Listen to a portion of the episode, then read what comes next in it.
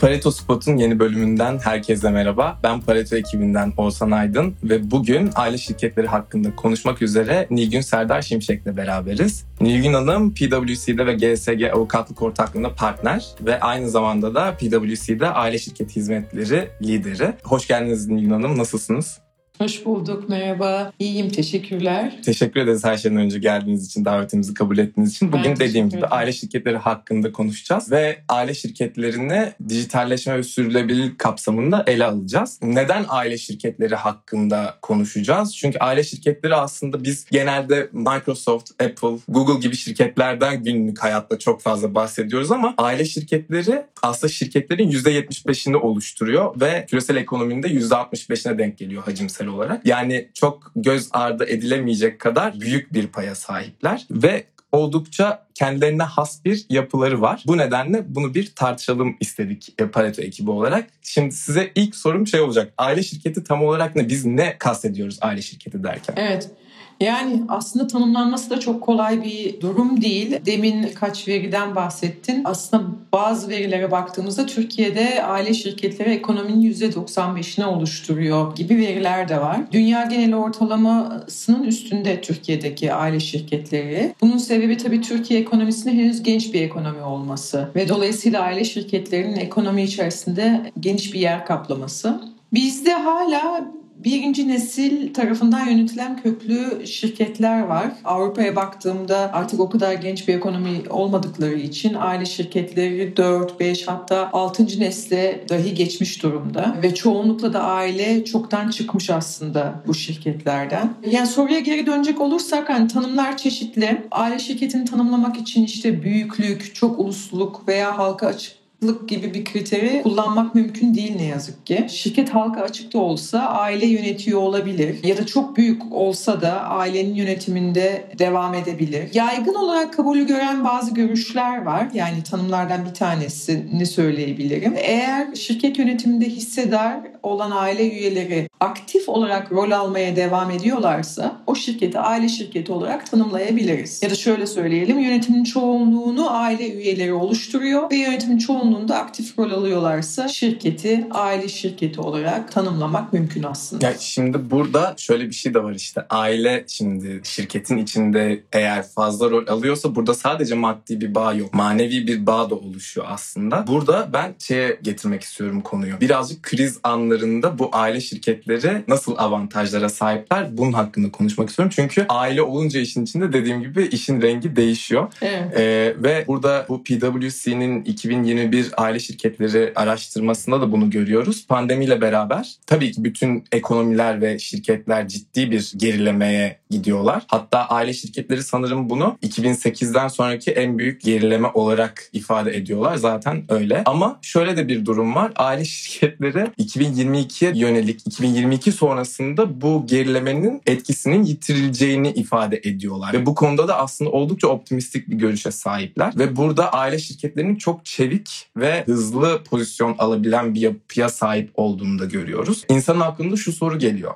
Yani neden? Nasıl bir dinamik var ki böyle bir avantaja sahip aile şirketleri? Yani tabii doğru söylüyorsun aslında. Aile şirketlerinin kriz zamanlarında büyük yapıları oranla avantajlı oldukları çeşitli araştırmalarda ortaya konulmuş bir gerçek zaten. Bunun arkasındaki başlıca dinamik aile şirketlerinin aile kültürüne ve değerlerine bağlı kalmaları aslında. Bunun yanı sıra tabii hızlı karar alabilme imkanına da sahipler. Bir de sahiplenici bir duygu var. Yani şirket finansman açısından örneğin zor bir döneme girdiğinde ortaklar gelirlerini diğer büyük kurumsal şirketlerdeki ortaklardan daha çok ve daha hızlıca feda edebiliyorlar. Zira ailenin ismiyle bütünleşen şirket ailenin çocuğu gibi. Dolayısıyla da şirketin iflas etmemesi için her şeyi yapabiliyor hissedarlar ve aile üyeleri. Bunun için gelirlerinden ve kendi mal varlıklarından kolayca vazgeçebiliyorlar. Bunlar aslında aile şirketlerinde bir kriz anlarında avantaj olarak karşımıza çıkan hususlar ve bu sayede de krizlerden daha hızlı çıkabiliyor aile şirketleri. Peki bu dinamikler mesela dediğim dediğimizde bu ailenin aslında bir diğer çocuğu olarak ön plana çıkıyor ya aile şirketi. Bu olağan evet. zamanlarda sizce dezavantaj olarak karşımıza çıkıyor mu? Burada neden bundan bahsediyorum? Çünkü o çocuk şimdi eğer çok sahiplenilmek istiyorsa aile içinde Aynen. de çatışmalara neden oluyor olabilir diye tahmin ediyorum. Aynen aslında çok güzel bir soru. Kesinlikle olabildiğini düşünüyorum. Tabii aileye çok bağlı ama gerçekten bu dinamikler karşımıza engel olarak da çıkabiliyor. Özellikle aile şirketlerinde yeni nesle devir konusunda o sahiplenicilik var ya işte o karşımıza bir engel olarak çıkabiliyor. Yeni bir yönetim yapısının benimsenmesinde işte o gelenekselcilik yine karşımıza bir engel olarak çıkabiliyor. Yönetim kurulunun gereği gibi işletilememesi çünkü hızlı karar almak istiyor insanlar ve buna alışıklar. İşte kriz zamanında bize yarayan bu dinamik kurumsallaşma anlamında bizim karşımızda bir engel olabiliyor. Dolayısıyla yönetim kurulları gereği gibi işletilemiyor. Şirketin büyümesine rağmen hala yönetim kurulu tarafından yönetilmesi, icra kurulu işletilemiyor örneğin yani kurumsallık anlamında. Her şey patron tarafından karara bağlanıyor. Yani bunlar da bu dinamiğin aslında sıkıntıları yani dezavantajları normal zamanda. Yani hızlı karar alabilen bir yönetim şekli kriz anlarında işe yarıyor olsa da bazen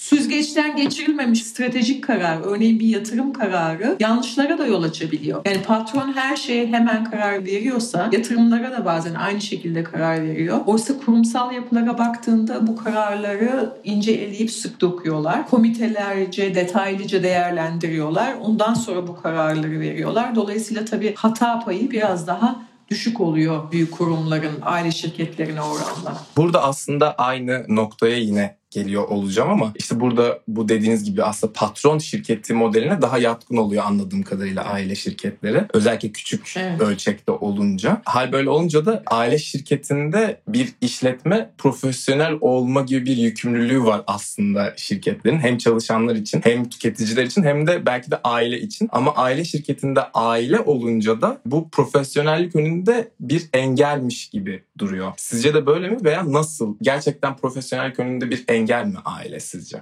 Yani aslında şirketin büyüklüğüyle doğru orantılı bir soru bu. Şirket büyüme arifesindeyse ve yükselişteyse ailenin varlığı şart gibi. Aile işi sahiplenen, yol gösteren, çalışanlara aidiyet duygusu veren bir konumda. Riski alıyor ve sonuna kadar gidiyor aile. Dolayısıyla önemli daha küçük çaplı şirketlerde. Ama şirket büyüdükçe profesyonellere yer açılması, şans verilmesi gerekiyor. İşte bir noktada da çalışana şunu hissettirmek lazım. Ben herkese eşit davranıyorum eşit muamele, eşit değerlendirmeler, profesyonelin yükselme şansının aile üyesinin yükselme şansıyla eşit olması. Yoksa istediğiniz kadar para verin aile şirketinde profesyonele. Eğer eşitliği hissetmiyorsa gider. Yani hiç şey yapmaz, paraya bakmaz. Bunun sonucunda da aile şirketleri genelde kaliteli iş gücünden yoksun kalıyorlar ve dolayısıyla da gelişmelere ayak uyduramıyorlar. Yani en basitinden birazdan konuşacağız ama dijitalleşme mesela. Eğer iyi bir altyapınız yoksa, iyi profesyonel profesyonelleriniz yoksa bu konuyla ilgili bu konuda başarılı olmanız mümkün değil. Geçmiş işte olsun. aile şirketleri evet e, bu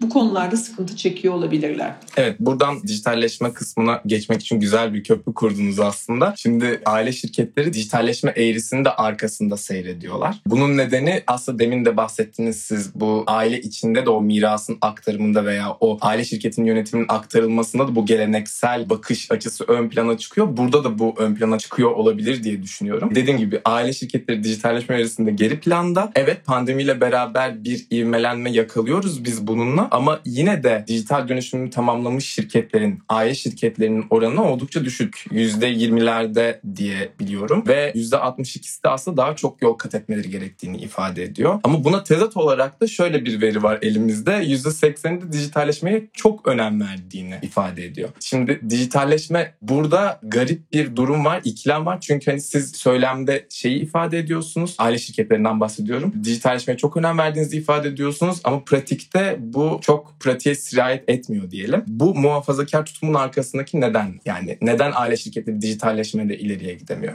Aslında demin de söyledin Oğuzhan. Dijitalleşme konusunu biraz pandemi öncesi ve sonrası olarak iki ayrı fazla düşünmek lazım. Pandemi öncesi süreçte evet bütün aile şirketi dijitalleşmeden bahsediyordu. Ama burada bahsedilen dijitalleşme aslında daha çok şirketin marka ofisini yeni teknolojilere tanıştırmak ve donatmakla ilgiliyken bugünkü duruma baktığımızda özellikle çevrim içi satış kanallarının artan hakimiyeti artık her zamankinden daha dijital bir dünya gerektiriyor. Ve dolayısıyla operasyonları da dijitalleştirme gereksinimi ortaya çıkıyor. İşte pandemi sürecinde dijitalleşme bir bilgi teknolojisi meselesi olmaktan çıkıp tüm operasyonları dijitalleşmeye iten bir uyum meselesi haline dönüştü. Dolayısıyla da aile şirketlerinin dijitalleşme süreçlerini yönetme açısından avantajları ve dezavantajları oluştu. En önemli avantaj ilişkilerin yakın ve daha sık sık olması sebebiyle az önce de söylediğimiz gibi hızlı aksiyon alabilmeleri. Bu sayede dönüşüm ve uygulamanın hızını yakalıyorlar diyebiliriz. Dezavantaj da dijital oyun ve dönüşüm için gerekli olan iş gücüne sahip değiller. Yine az önce söyledik. İş gücü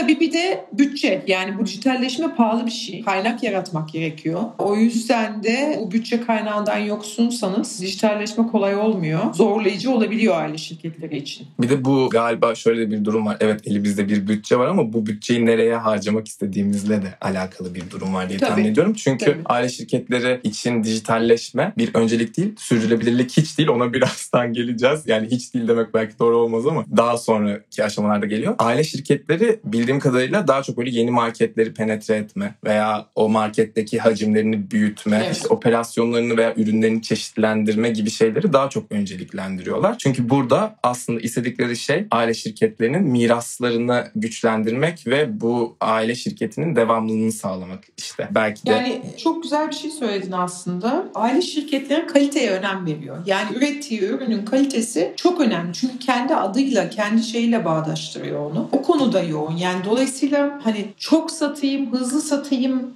dan ziyade kaliteli bir üretim yapayım çünkü ben buna ismimi koyacağım meselesi var. İşte dijitalleşme ise tam tersini yapıyor aslında. Özellikle bu platform ekonomisi her şeyi hızlıca satalım, kim olursa olsun satalım, nasıl olursa olsun satalım mantığına çok dayandığı için ailenin zihniyetiyle çok bağdaşmıyor tabii. Evet. Bir de burada şu anda aklıma geldi. Şöyle bir şey de olabilir mi? Şimdi dijitalleşme bize aslında şey vaat ediyor. Verinin dijital ortama aktarılması ve burada dediğiniz gibi bu uyum ve raporlama süreçlerinin verimlileşmesi, işte izlenebilir bir ekosistem oluşturmak gibi şeyler vaat ediyor. Belki de aile şirketleri daha şirketi mahrem olarak gördüğü için veya daha gizli kalması gereken bir şey olarak gördüğü için dijitalleşmede geride kalıyor olabilirler mi? Bilerek ve isteyerek. Yani veri paylaşımı konusunda olabilir evet. Evet. Ama temelde üretim yapan şirketler için dediğim gibi kalite çok ön planda. O da onları yavaşlatabiliyor zaman zaman. Aile şirketleri bu konuda araştırmalarda şey gösteriyor işte daha iyi performans sergilemeleri aslında dijitalleşmeden ciddi bir fayda da sağlayabilir aile şirketleri ama hani ben size de sormak istiyorum. Bu dijitalleşme aile şirketlerine buna ek olarak nasıl bir yani dijitalleşmeden aile şirketleri nasıl bir fayda sağlayabilir? Neden önemli bu konu?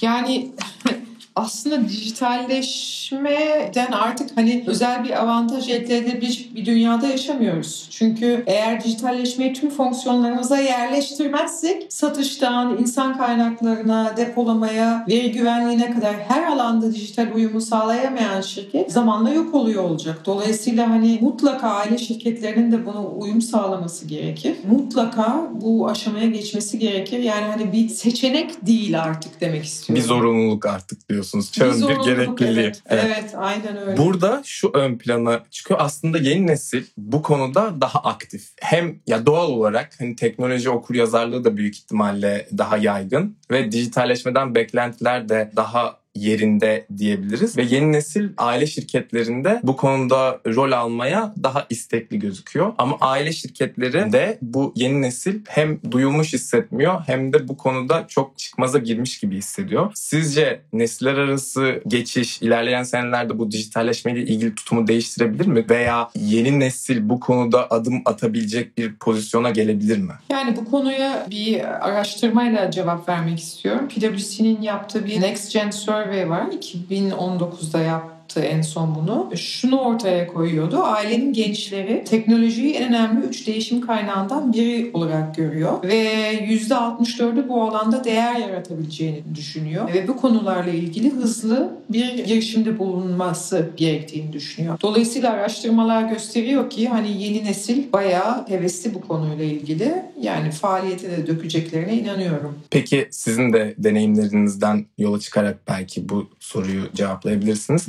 Nesiller arası böyle bir diyalog var mı aile şirketlerinde veya bu diyalog ne kadar sağlıklı? diyelim. Mutlaka var. Ee, yani gerçekten yeni nesil konuyla ilgili son derece girişimci. Tabii hangi nesillerin çalıştığına ve hangilerinin artık hani daha çok yönetim kurulunda olduğuna çok bağlı bir durum. Ama şunu söylemem lazım. Son yıllarda ARGE faaliyetleri artıyor Türkiye'de. Dijitalleşmeye olan merak da dolayısıyla artıyor. Devletin konuyla ilgili verdikleri teşvikler var. Dolayısıyla bu sayede inovasyon konuları gelişiyor. Aile şirketleri için de keza böyle. Öte yandan da dünya hani platform ekonomisine doğru gidiyor. Aile şirketlerinin de e, ürettikleri dediğim gibi kaliteli ürünleri bu platformlarla buluşturmaları gerekiyor. Çünkü açıkçası eğer müşteri ürün ürünü bulamazsa kalitenin bir önemi kalmıyor. Dolayısıyla bir noktada ürün önemini yitiriyor ya da ürünün kalitesi diyelim. Erişilebilirlik önemli hale geliyor. Aile şirketlerinin de bunu en kısa sürede bu noktaya getirmesi lazım ama oraya doğru hızlı bir gidiş var. Yani hele hele pandemiyle beraber iyice arttı bu hızlı gidiş. Yani şu şekilde özetleyebilir miyiz? Yani bu söylediklerimizden yola çıkarak dijitalleşme artık bu çağın bir gerekliliği. Öyle veya böyle e, şirketler bu konuda pozisyon almak zorunda ve dijitalleşmeyi önceliklendirmek zorunda. Eğer önceliklendirmezlerse evet. bu ekosistemin dışına doğru yavaş yavaş itilecekler. Doğru mu? Evet. Aynen. Aynen. Peki şimdi buradan bir sonraki konuya geçiyorum. Sürdürülebilirlik. Çünkü bu da oldukça önemli. Bu da bizi yani aile şirketlerini oldukça zora sokabilecek bir yapıya sahip. Çünkü artık sürdürülebilir politikalar sadece böyle bizim öznel olarak a olsun olmasın diyebileceğimiz bir pozisyonda değil. Yani biz bu sürdürülebilirlik politikalarının zamanında uygulanmamasının veya konuşulmamasının etkilerini şu anda enerji krizinden tutun aşırı iklim olaylarına kadar çoğu konuda görüyoruz. Hal böyle olunca da iklim sürdürülebilir politikalar merkeze doğru gelmeye başlıyor. Yani herkesin odak noktası, şirketlerin ülkelerin, tüketicilerin odak noktası haline geliyor. Ama maalesef aile şirketleri bu konuyu önceliklendirmede o kadar da iddialı gözükmüyorlar. Benim size sorum şu olacak. Aile şirketleri ben böyle görüyorum ama tabii ki siz işin içinde olduğunuz için daha iyi biliyorsunuzdur. Sürdürülebilirlik konusu nasıl bir tutum sergiliyor ve sürdürülebilirlik konseptiyle ilgili ne kadar bilgiye sahipler? Yani şunu söyleyebilirim. Aile şirketleri bu konuda çok homojen hareket etmiyorlar. Farklı aile şirketi kültürleri bu alanda farklılık yaratıyor tabii ki. Farklı coğrafyalar ülkelerden farklı yaklaşımlar ortaya çıkabiliyor. Bazı aile şirketleri sürdürülebilirlik hedeflerini operasyonlarına entegre ederek bu kapsamda liderlik ediyor. Şimdiden adımları atmış durumdalar. PwC'nin aile şirketleri araştırması var 2021 yılında yapılan. Orada ortaya çıkıyor ki katılımcıların çoğu toplum tarafından başarılı ilan edilmenin geleneksel hayırseverlik şeklinde ortaya çıkıyor bakmak yerine şirket operasyonlarıyla ilişkilendirilmesi fikrine alışamadı. Yani diyor ki sürdürülebilirliği hayırseverlikle eş anlamlı görüyorlar aslına bakarsan. Bu araştırmaya göre aile şirketlerinin ezici çoğunluğu yeni pazarlara açılmaya ezici çoğunluk derken %82 civarında diyorum. %82 yeni pazarlara açılmayı önceliklendiriyor. Sonra %80'i dijital yetenekleri geliştirmeyi önceliklendiriyor. Sadece %39'u sürdürülebilirlik hedeflerinin en önemli öncelikleri arasında görüyor. Dolayısıyla kurumsal şirketlerin sürdürülebilirlik gündemlerini oluşturmak konusunda istek ve heyecanına karşılık aile şirketlerinde daha çok kurucu değerlerin karar alma süreçlerine ve şirket gündemine derinlemesine etki ettiği görülüyor. Onlar henüz bu yerde değil. Yani aile şirketlerinin sürdürülebilirlik... Neden böyle peki? Yani neden böyle bir farklılık var? Mesela bu kurumsal şirketler bunu önceliklendirirken aile şirketleri daha farklı. E, tabii yani az önce de söylediğim gibi değerlerini önceliklendiriyor. İşte kendisine göre yeni pazar işte araştırmanın şeyi de ortaya koyuyor aslında bunu. Yeni pazara açılma ve daha fazla para kazanma aslında orada devreye giriyor. Dijitalleşmek, dijitalleşmeyi de yine karlılıkla bağdaştırıyor. Dolayısıyla onları önceliklendiriyor aslında. Yani getiriye bakıyor bir noktada. Getiriye Anladım. bakıyor. Ama tabii şunu da bir an önce görmekte fayda var. Yani sürdürülebilirliğe önem vermek ve kendi gündemine dahil etmek e, ve bunu öğrenmek yarın öbür gün rekabet açısından çok önemli hale gelecek. Dolayısıyla da eninde sonunda bununla da bir getiriye ulaşılacak. Yani dolayısıyla sürdürülebilirliğe verilen önem günün sonunda şu anki dünyamızda bir noktada çünkü artık tüketici buna bakıyor. Evet. Yani ne üretiyorsun, bunu hangi koşullarda üretiyorsun. Avrupa'da, Avrupa'ya baktığımızda özellikle bu bilinç çok yaygın. Sizi takip ediyor. Dolayısıyla da aile şirketlerinin de bu bilince varması gerekiyor bir noktada. Evet. The Economist de böyle bununla ilgili bir yazı çıkarmıştı diye hatırlıyorum. Şey diyor hani bu iş dünyasının geleceği ciddi oranda bu açıdan yani tüketicilerin Evet. takip ettiği bir yapıya doğru, dinamiğe doğru evrilecek ve artık tüketiciler mesela siz bir şey üretiyorsunuz ama mesela bunun bana zararı var mı veya benim bulunduğum yerde üretiyorsanız mesela benim bulunduğum çevreye zarar veriyor musunuz veya karbon emisyonu ne kadar yüksek vesaire böyle bunlara ciddi oranda dikkat edecek gibi böyle bir yazı yazmıştı. Bu da bununla paralel. Yani aile şirketleri şunu diyebilir miyiz? Aile şirketleri eğer sürdürülebilir politikaları önceliklendirmezse er ya da geç bu karlılık, miras ve şirketin geleceği gibi konularda riske girebilecekler. Yani bu mirasları mesela ellerinden alınabilir veya operasyonları sekteye uğrayabilir sürdürülebilir politikaları önceliklendirmedikleri için. Evet aynen yani bu noktada şey söylemek istiyorum aslında. Yani farklı kültürler çok farklı yaklaşıyorlar bu işlere. Yani sadece Türkiye için söylemek de haksızlık olur. Yani yapılan bir araştırmaya göre Kuzey Amerika'daki aile şirketlerinin sadece %23'ü her şeyin merkezine sürdürülebilirliği koyuyor. Oysa Çin, Japonya ve Tayvan'da bu oran %75'leri buluyor. Yani dolayısıyla kültürel bir farklılık var. Yani Batı'nın gelişmiş ekonomilerinde öncelik topluma geri vermek yani hani ben önce kazanayım sonra topluma geri vereyim diyorken Asya pazarlarında aile şirketlerinin hedefi sürdürülebilirlik faaliyetlerini merkezlerine koyuyorlar. Çünkü Amerika'daki adam bu konuyu hayırseverlikle bağdaştırıyor. Yani ben kazanayım sonra hayır yapayım geçeyim şeklinde ve ticari karını daha çok önemsiyor. Karın bir kısmını da topluma geri veriyor ama uzak doğuda adam yaşadığı çevreye saygı duyuyor ve dolayısıyla da bu konular ona çok zor gelmiyor. Yani şirket faaliyetleri esnasında sürdürülebilirliğe dikkat etmek. Yani Türkiye'de bu konu daha çok hani kurucunun görüşüyle doğru orantılı. Onlar da genelde hayırseverlik olarak anlıyor bizde de bu işi. Topluma ve sosyal hayata dönük, güven telkin edici olmalarından hareketle genelde e, hayırseverlik olarak icrada bulunuyorlar ama Türkiye bu konuda hani gelişime açık olmakla beraber hızlıca da konuda geri verebilecek bir ülke. Yani aile şirketlerinin bu konuya hızlıca adapte olacağına çok inanıyorum Türkiye özelinde.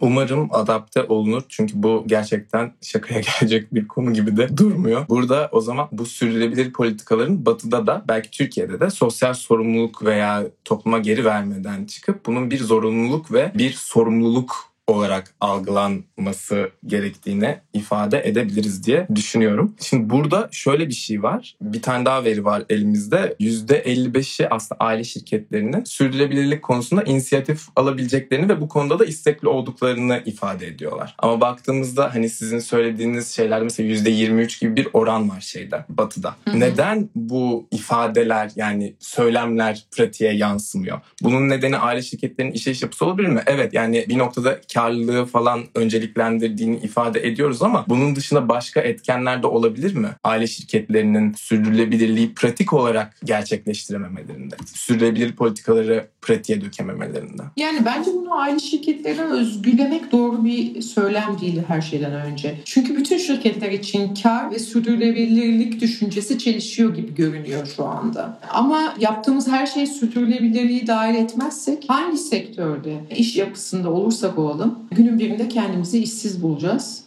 Hani bu sadece bir zaman meselesi. Yani dolayısıyla ana düşünce hani tabii kar ve bu sürdürülebilirlik uymuyor. Yani ama bu bütün şirketler için geçerli. Aile şirketleri diye kategorize etmek bence çok doğru değil. Ama herkes günün sonunda bu bilince gelmek durumunda diye düşünüyorum. İnşallah gelir diyelim. Peki tamam. O zaman aile şirketlerine ben tekrardan şey yapacağım. Aslında dediğinizde de haklısınız. Bunu aile şirketleri özelinde değerlendirmemek lazım. Çünkü bu karlılık ve sürdürülebilirlik gerçekten çelişiyor birbiriyle. Bunu enerji krizinde falan da gördük böyle şu anda görüyoruz. Ama aile şirketleri bir şekilde bu kültürü inşa etmek durumundalar. Çünkü burada yeni nesil de bildiğim kadarıyla sürdürülebilirliği önceliklendiriyor. Ama aile şirketinin içinde bununla ilgili de bir çatışma var gibi. Aile şirketleri nasıl sağlıklı ve gerçeğe yansıyan bir sürdürülebilirlik kültürü inşa edebilirler? Şimdi hep sürdürülebilirlik dedik. Şimdi şöyle öncelikle bir yurt dışında çokça geçen bir kavram ESG diye geçiyor aslında bu kavram. Belki onu biraz açayım. Yani çevresel, sosyal ve kurumsal yönetişim aslında Türkçe tercümesi. Yani bunu bir öncelik haline bütün şirketlerin getirmesi gerekiyor. Aile şirketlerinin ESG hedeflerine ulaşma konusunda yani neden bu kadar büyük bir rol oynayabileceğini anlamak için biraz ESG'ye geniş bir perspektiften bakmakta fayda var. Sürdürülebilirliği benimseme hareketi paydaşlardan gelen büyük beklentiler, devletlerden gelen iddialı taahhütler ve büyük bir sermaye yatırımı dalgasıyla desteklenen şirketler için şimdiden hani radikal bir değişim olarak öne çıkıyor. Örneğin ESG fonları 2020'de yatırımcılardan 51 milyar dolarlık rekor düzeyde net yeni talep gördü. Yani dolayısıyla fonlar da artık bu işe inanılmaz şekilde önem veriyorlar. Bu 51 milyar önceki yılın iki katından daha fazla. Yani halka açık büyük şirketler ve devletler hem SOPA yani SOPA dediğim mevzuat hem de ödüller yani devlet destekleri gibi ödüllerle süreçlerin işleyişini yeniden şekillendiriyor. Pek çok şirket karbon emisyonlarını azaltmak, yenilenebilir kaynaklardan elektrik sağlamak adına taahhütlerde bulunuyor. Kurallarını daha çeşitli hale getiriyorlar. Bir de sürdürülebilir raporları yayınlayarak bu yönde gerekli adımları atıyorlar. Ancak hani hala hala ekonomi içindeki bu eylemler sadece göstermelik bir yerden ibaret. Raporlara koyalım, geçelim evet, gibi bir. Evet, güven inşa etmek ve kendi geleceklerini güvence altına almak için daha da ileri gitmek zorundalar. Bunu tüm iş süreçlerine dahil etmeliler aslında. Yani sadece raporlamayla değil, hani strateji, ve dönüşüm planları da ESG konularını kavrama dahil etmeli. Yani bu noktada aile şirketleri aslında birkaç temel nedenden dolayı benzersiz bir şekilde konumlandırılmış ve bunu yapmak için teşvik edilmiş durumdalar. Diğer şirketlerden daha güvenli olmaları dolayısıyla aslında daha avantajlılar. Bir araştırma yapılmış Edelman Trust Barometer'in 2020 raporuna katılanların yaklaşık %67'si aile şirketlerine güvendiklerini söylerken halka açık şirketlere güvenenlerin oranı sadece %58. Yani bu da gösteriyor ki aile şirketleri en güvenilir işletme türü aslında. Diğer yandan ikinci konu aile şirketlerinin derinden bağlı olduğu değerlerinin olması. Az önce de söyledik. Ve topluma katkıda bulunma hedefine sıkı sıkıya bağlı olmaları. Örneğin çalışanları ve ilişkili bulundukları topluluklarla ilgilenmek resmi ESG taahhütlerinin küresel bir trend haline gelmesinden çok öncesine uzanan bir durum. Çünkü uzun süredir aile şirketlerinin DNA'larının bir parçası aslında. Dolayısıyla aslında aile şirketin kültürüne çok yabancı bir şey değil bu sürdürülebilirlik konusu. Yani sadece çevre olarak bakmayalım. Yani daha geniş bir anlamda bakalım. Sosyal ve yönetişim anlamında bakalım. Dolayısıyla ESG içselleştirilmeleri çok daha kolay o açıkçası aile şirketlerinin. Yani bu noktada da, da aile şirketleri bu alanda birlikte hareket ederse etki alanlarını aslında önemli ölçüde büyütebilirler. Yani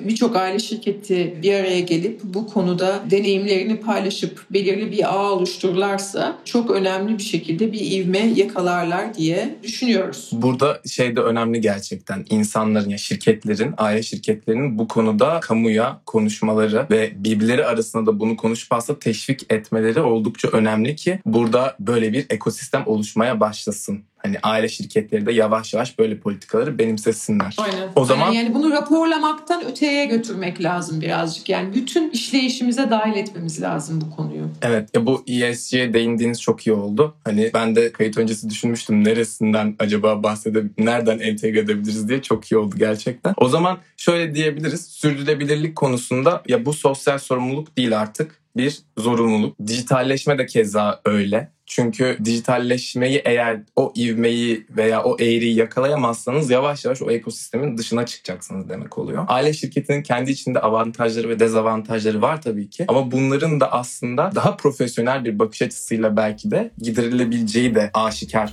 görünüyor. Bu şekilde özetleyebiliriz diye tahmin ediyorum. Sizin eklemek istediğiniz başka bir şey var mı bu konuyla ilgili? Yok aslında gayet güzel sorular oldu. Ben teşekkür ediyorum. Ben teşekkür ederim. Haftaya başka bir konuyla Pareto Spot'un yeni bölümünde görüşmek üzere. Kendinize iyi bakın.